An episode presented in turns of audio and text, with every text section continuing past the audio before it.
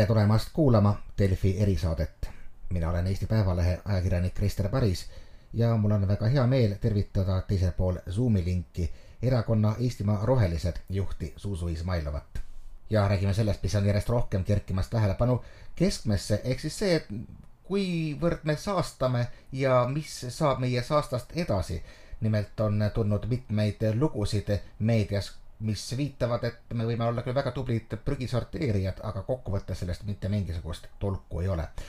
aga alustame õige tänasest artiklist Eesti Päevalehes, kus Rimi esindaja Katrin Pats kirjutab, et ähm, need biolagunevad kilekotid, mis tundub olevat niivõrd õige valik, ei pruugi seda teps mitte olla, et nende keskkonnajälg võib isegi vaata et suurem olla kui harilikel kilekottidel kui sa seda artiklit lugesid ja mis tunne sul jäi, et äh, millega tegemist on? on see nagu klassikaline rohepesu? kõigepealt äh, tänan kutsumast, et, võtan teid vastu täna siin äh, oma magamistoas, sest kõikides tubades käib praegu distantsõpe. aga mis puudutab neid kotte biolagunevaid, siis no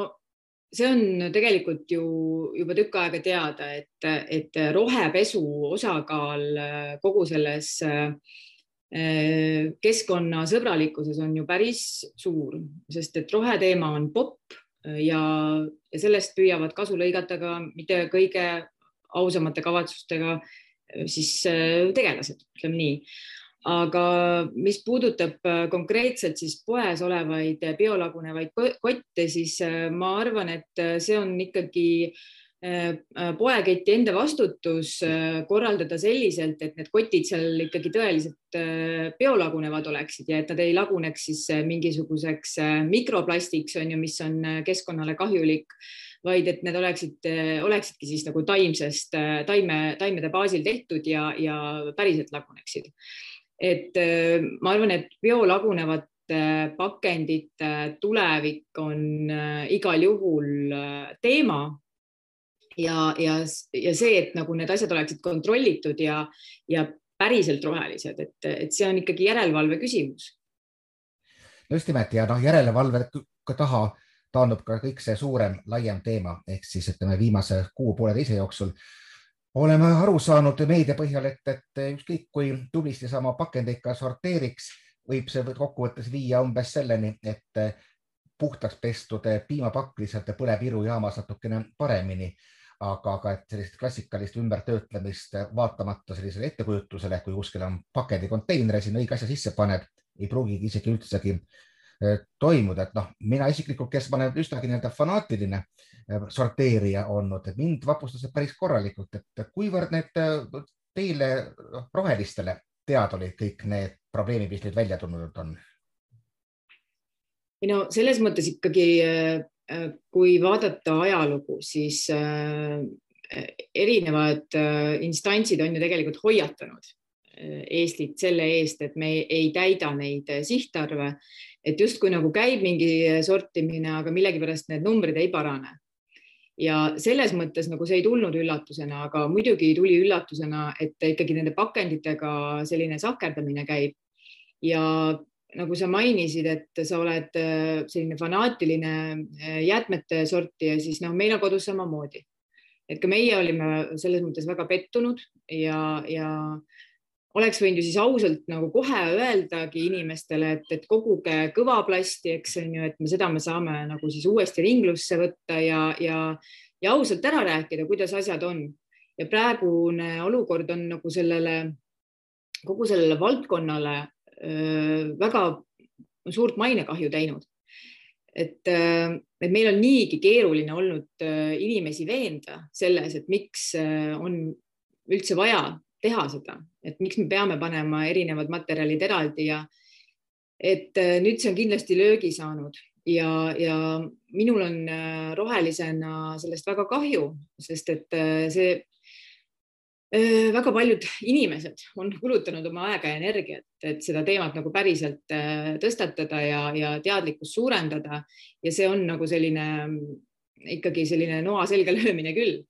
aga mis kõige rohkem jahmatas, kas, kas, kas see, et, et saagerdatakse kuskil paberitega ja esitatakse Euroopa Komisjonile suvalisi arve või ikkagi see, et, et noh, et tegelikult äh,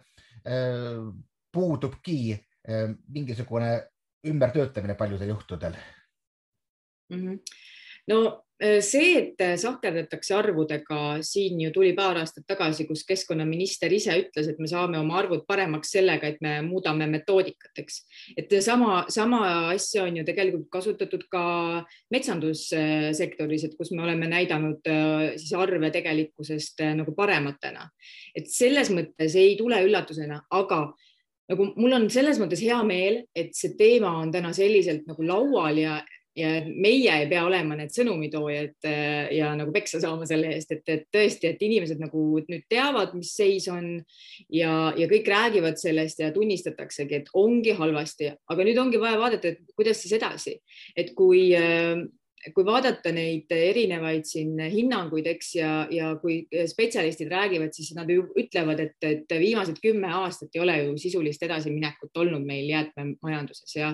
ja mis on selle põhjused? mina ütleks, et põhjused on meil selles, et milline on meie keskkonnapoliitika üldiselt või noh, jah, keskkonnapoliitika üldiselt ja siis konkreetsemalt siis jäätmepoliitika ja kui me nüüd lähme natukene ajas tagasi, siis kaks tuhat neliteist äh, meil muudeti äh, jäätmeseadust selliselt, et äh, et kuigi meil seadus ütleb, nii kohaliku omavalitsuse seadus kui siis jäätmeseadus ütleb, et, et jäätmete hool, hooldeülesanne on kohaliku omavalitsuse ülesanne ja ka selle süsteemi arendamine on kohaliku omavalitsuse ülesanne, siis sisuliselt jäeti alates kahekümne, kahe tuhande neljateistkümnest aastast omavalitsustele vaid see roll, et nad annavad kogu selle, selle valdkonna siis üle eraettevõtetele ja täna meil äh, Eestis ongi tegelikult äh, väga eraettevõtete keskne jäätmeveosüsteem. ja kui me vaatame nüüd neid riike, kus on see need sihtarvud on juba täidetud ja kus väga hästi sorditakse jäätmeid ja, ja seda juba aastaid, siis igal pool nendes riikides on äh, kasutusel äh, hoopiski äh, omavalitsuskeskne jäätmeveomudel. aga seda ja me oleme ainuke riik Euroopas, kus see on keelatud. oota, aga mille, mille, millest me räägime, mida see tähendab, et omavalitsus mitte ainult ei vastutaks, vaid tal oleks ka hoovad selle siis täideviimiseks? Jah, et tal oleksid äh, äh, siis hoovad seda süsteemi äh, parandada. Ja näiteks noh, lihtne näide, et kui sa tuled, rendid on ju omale näiteks Berliinis korteri ja siis sul tekib kohe küsimus, et okei okay,, et mis ma nüüd oma jäätmetega teen, siis sa helistad kohe kohalikku omavalitsusse ja siis sulle saadki sealt teenuse kätte, onju aga meil sa päris niimoodi ei saa, et meil on nagu igal pool mingi erinev sigri-migri ja sa ei tea üldse, mida sa tegema pead, eks, et, et võib-olla Tallinnas on ühtemoodi, on ju, Raplas on teistmoodi, hajaasustuspiirkonnas on, on, on hoopis kolmandat moodi ja nii edasi, et, et selles mõttes meil ei ole sellist ühtset süsteemi ja igal pool siis ettevõtted üritavad tekki endale nagu tõmmata rohkem. kuidas, ja... kuidas, kuidas ikkagi siis jõuda selleni, et panna ka, ka näiteks oletame, et oleks see omavalitsuste õla peale, et panna neid huvituma. mul just tuli meelde nendes artiklites on toodud esile, et miks näiteks umbes pooltes maakondades või pooltes omavalitsustes ei koguta liigiti biojäätmeid, sest et kohalik omavalitsus ei ole seda pidanud enda jaoks prioriteetseks ja selle peale nagu rõhunud. ehk siis see nagu näitab, et justkui kohalikel elanikel tegelikult on ükskõik. ma ei ole sellega nõus et äh, selles mõttes, et äh, vot minul on, äh, ma elan nagu põhielukoht on mul Tallinnas, eks, ja siis maakodu on mul Raplamaal ja kui Tallinnas ma saan oma biojäätmed ilusti siin ära anda, on ju, siis näiteks seal Raplamaal hajaasustuspiirkonnas mul ei ole seda teenust, eks. ja, ja seal ongi see, et mul on ainult see üks tünn on ju, kuhu ma pean kõik viskama, noh õnneks maal ma saan ise omale siis selle kompostri teha, on ju, et see ei ole nagu nii suur mure, aga, aga, aga just, et et mida, kuidas seda muuta, seda saabki muuta selliselt, et me anname kohalikele omavalitsustele need hoovad tagasi, mis kaks tuhat neliteist neil ära võeti selle, selle, selle seadusemuudatusega ja, ja nagu kui seda seadust muudeti, siis väga naljakas põhjendus oli tegelikult selleks, et, et seal seletuskirjas oli siis kirjutatud niimoodi, et, et seaduseelnõu väljatöötamise selle muudatuse siis väljatöötamise tingisid järgmised põhjused. Et äh, paragrahv kuuskümmend kuus äh, lõige üks prim üks kehtetust, äh, kehtetuks tunnistamine vajadus kaotada olukord, kus kohaliku omavalitsuse üksus muutub jäätmevedaja, see on kodaniku või lõpptarbija kaitsest tema ärakasutajaks. ehk et siis tollal meile riik ütles, et kohalik omavalitsus on justkui ärakasutaja et see ei ole, see ei kõla loogiliselt, et ja, ja täna see, see, seadus äh, kehtib meil tänaseni ja see annabki siis nendele eraettevõtjatele need hoovad, aga on võtnud need hoovad kohalikelt omavalitsustelt, kes ei saa mitte midagi sisuliselt teha. kujutan isegi ette, et põhjus võis olla mõnevõrra üllas, noh, me mäletame missugused skandaalid olid siin Tallinnas korraldatud jäätmeveoga, kus nii-öelda omadele inimestele näiteks Arvo Sarapuule eh, kätte mängiti, ehk siis see eesmärk oli vähendada korruptsiooni, aga et ma saan siis aru, et kokkuvõttes juhtus nii, et sattus eh, nendele korraldajatele, kelle majanduslik huvi teps mitte ei ole seda võimalikult eh, suuremahuliselt teha, võib-olla efektiivselt jah, aga just, et sealt tulevadki kõik need nurkade mahalihvimised no mina näen seda pigem sel, sellisena, et see oligi väga tugev jäätmevedajate lobi. Ja ega see ei ole ju saladus, et sellest on ju kirjutatud ja on Ekspress sellest äh,, Mikk Salu on selle kohta väga häid lugusid kirjutanud just siis, kui ka see seadusemuudatus alles nagu, kui see algatati, siis juba ilmusid tegelikult väga head uuriva ajakirjanduse artiklid selle kohta. Aga ma kardan, et me tookord ei pannud nagu seda väga tähele või noh, nagu ühiskonnana ja võib-olla äh, et meil on nagu siiamaani see veidi see kuvand, et noh, et kui on midagi on nagu riiklik, siis järelikult on see halvasti või et kui midagi on nagu eh, selline mingi avalik teenus, et siis ta ei ole kindlasti mitte nii hea, kui ta on nagu erakätes olev teenus, et, et see on selline müüt võib-olla, mis nagu meil on ikka veel nagu mingis mõttes Eestis alles aga kui me vaatame uuesti neid, neid riike ja neid linnasid, kus jäätmekorraldus on kohaliku omavalitsuse kätes siis seal on need sihtarvud täidetud juba aastaid ja meil ei ole mõtet äh, Eestis hakata jalgratast leiutama ja siin mingisuguseid äh, peenhäälestusi tegema, et nagu me viimastel aastatel nagu siin on need, seda jäätmeseadust üritatud muuta, aga alati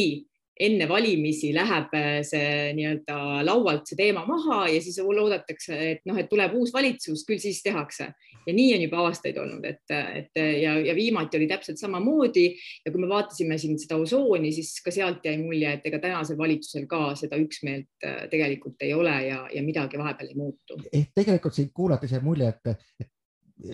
mulle on küll jäänud mulje aeg-ajalt, et, et kui meil on mõnikord väga jõulised ministrid, on näiteks äh, sotsiaalpoliitika vallas või et oleks hädasti vaja, tuleks ka keskkonnaminister, kes paneks rusika lauale ja ütleks, et ei, et ainult üle minu laiba ja nüüd teeme niimoodi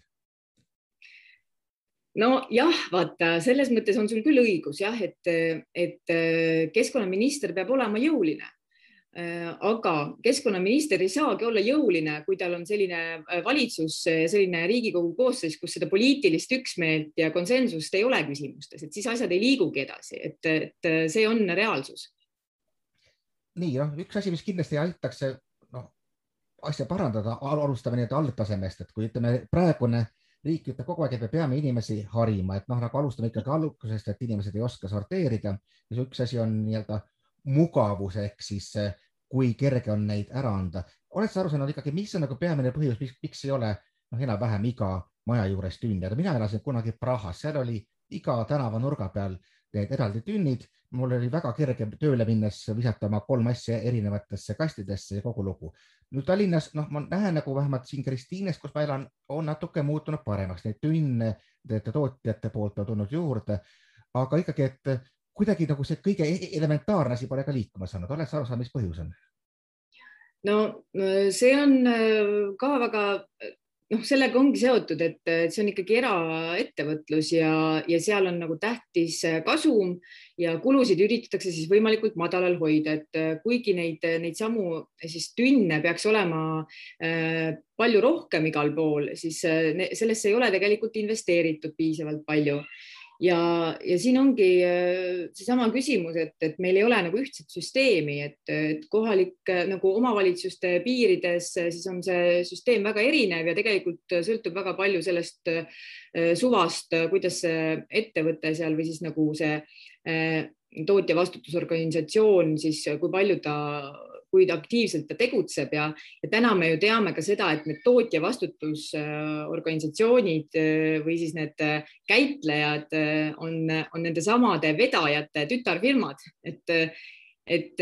see ongi noh, seal Ekspressi artiklis ju väga hästi tulid need asjad välja, et et meil, meil on niisugune huvide Eh, konflikt siin ja, ja ei ole selgust ja läbipaistvust, mida meil väga-väga vaja oleks, et, ma näengi, et kui, kui eh, meil kehtiks täna Eestis see, et, et kohalikul omavalitsusel oleks võimalus ja õigus nagu rohkem eh, koordineerida ja päriselt korraldada ja, ja arendada seda jäätmesüsteemi, et siis oleks ka suurem läbipaistvus. Ja mis on võib-olla nagu oluline veel ka siin öelda seda, et, et kui, mis on selle süsteemi erinevus? On, on peamine erinevus on see, et, et sina kui tarbija suhtleksid siis mitte selle teenusepakkujaga otse, eks, vaid sina saad kõik oma vastused kohalikust omavalitsusest, sina ei pea seal oma arveid kuskil taga ajama, on ju, mingeid pakendeid või mingeid kotte küsima, on ju, et sinule te teenuse osutab see kohaliku omavalitsuse üksus ja kõik ja sinu mured on sellega lahendatud. Ja, ja, ja see on äh, nagu ka, et, et kuna kohalik omavalitsus äh, korraldab siis nagu hankeid on ju ja, ja, ja saab äh, valida parima teenusepakkuja ja sellega ta saab ka nagu jõupositsioonilt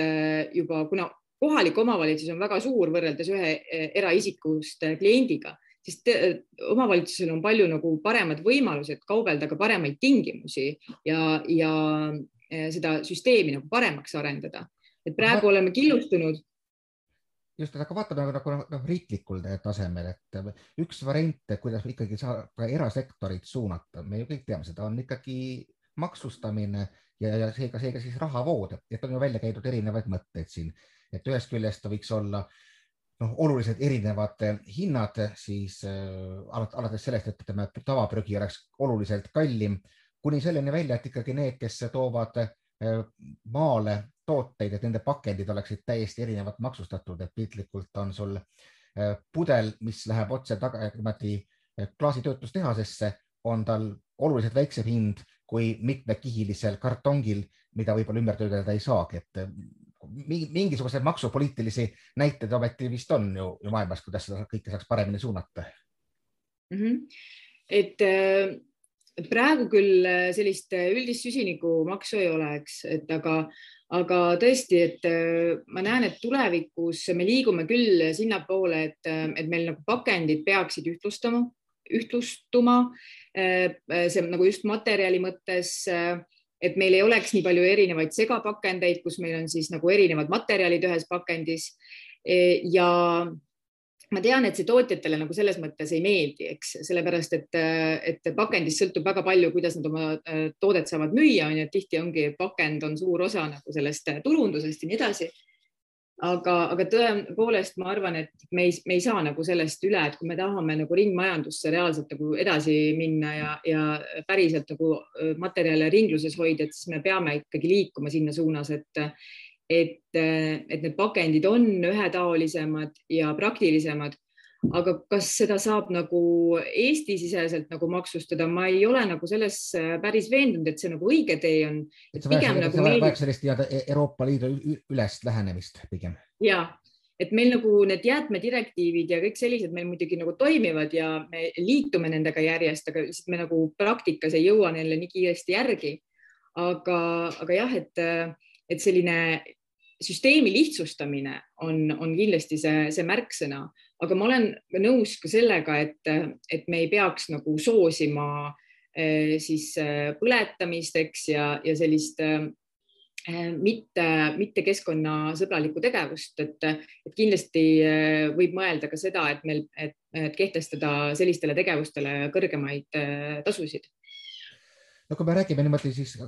koostööst, siis no minu enda jaoks oli noh, võib-olla natuke naiivne üllatus oli ikkagi see, et kui palju sellist sorteerimist toimub käsitsi no,. selgelt inimtööjõul on teatud piirid, et, et ei mingisuguseid roboteid ja võimalik, et neid roboteid pole ka päriselt olemas, nii palju kui olen rääkinud, et saab niimoodi nagu teha suurt sorteerimist, aga sellist pisi mikrotasandil võib-olla ongi liiga keeruline. et kindlasti oleks rohkem võimalik, kui oleks selline äh, enamate riikide kui ainult ühe väikese Eesti rohkem vahel koostöö, et kujutate ette, kas selline asi võiks üldse võimalik olla, et no kes tahab, ütleme lasta teise maa prügi tuua enda territooriumile kuskile tehasesse sorteerimiseks nojah, et äh, ma arvan, et see on pigem juba selline tagajärgedega tegelemine, mille, millesse võib-olla me olemegi praegu natuke liiga palju panustanud, et me ei ole tegelenud selle ennetamisega, et selle, et see tegelikult see eesmärk võiks ikkagi olla jäätmetekke vähendamine üldine. aga nagu ka eilsel sellel konverentsil, jäätmekonverentsil räägiti, et noh, et Eestis on tegelikult ju veel see tarbimine üsna väike, sest meie ostujõud on väike, aga see on kasvamas et selles mõttes on kindlasti, ähm, ma arvan, õigem suund äh, pühendada ikkagi sellesse, et me jäätmeid vähem tekitaksime ja neid pigem nagu ringluses hoiaksime, aga, aga tõsi on ka see, et äh, tänased numbrid on Eestis kõrged äh, just ka selle tõttu, et meil tõesti neid käitluskohti on puudu ja, ja tegelikult ju riik ei ole ka sellesse investeerinud, et et äh, see on, äh, see on nüüd keskkonnaministeeriumil peaks olema väga selge eesmärk, ma arvan, rohkem investeerima sellesse valdkonda ja, ja ja miks mitte ka just nagu läbi teaduse sellesse investeerida, et, et täna on, on Soomes väljatöötamisel sellised väga uudsed materjalid juba, mis, mis tõenäoliselt nagu ka varsti turule jõuavad, et kus siis sellisest nanotselluloosist äh, mida saab siis teha ükskõik millisest sellisest mm, nagu taimsest toormest, et, et tõenäoliselt võiks ka Eesti siin nagu sappa võtta ja, ja olla osa sellest lahendusest. aga, aga noh, me teame, et täna me väga veel ei taha nagu mõelda nendes kategooriates, et, et olla nagu milleski positiivses eesrinnas, et no, aga, aga see nõuab investeeringuid mõtleme natukene nii-öelda väiksemates kategooriates, et aga mida, mida sa nagu tarbijana noh, noh veel üldse teha, et no öeldakse, et, et ära osta kotti või võid taaskasuta, hea küll, see on hästi lihtne teha.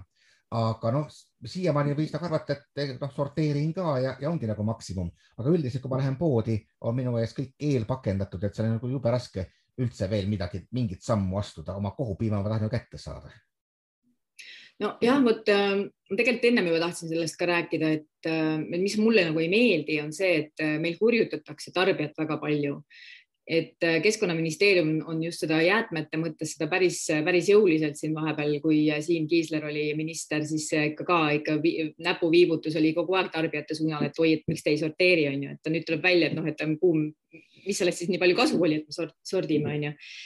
et äh, ma arvan, et siin äh, võiks natuke nagu tarbijale näppu näitamisesse natuke nagu tagasi astuda ja tunnistada neid möödalaskmisi ja pigem nagu olla eeskujuks millegi positiivsega. ja kui siin äh, meil juba pikalt üldse Eesti riik ju ka nagu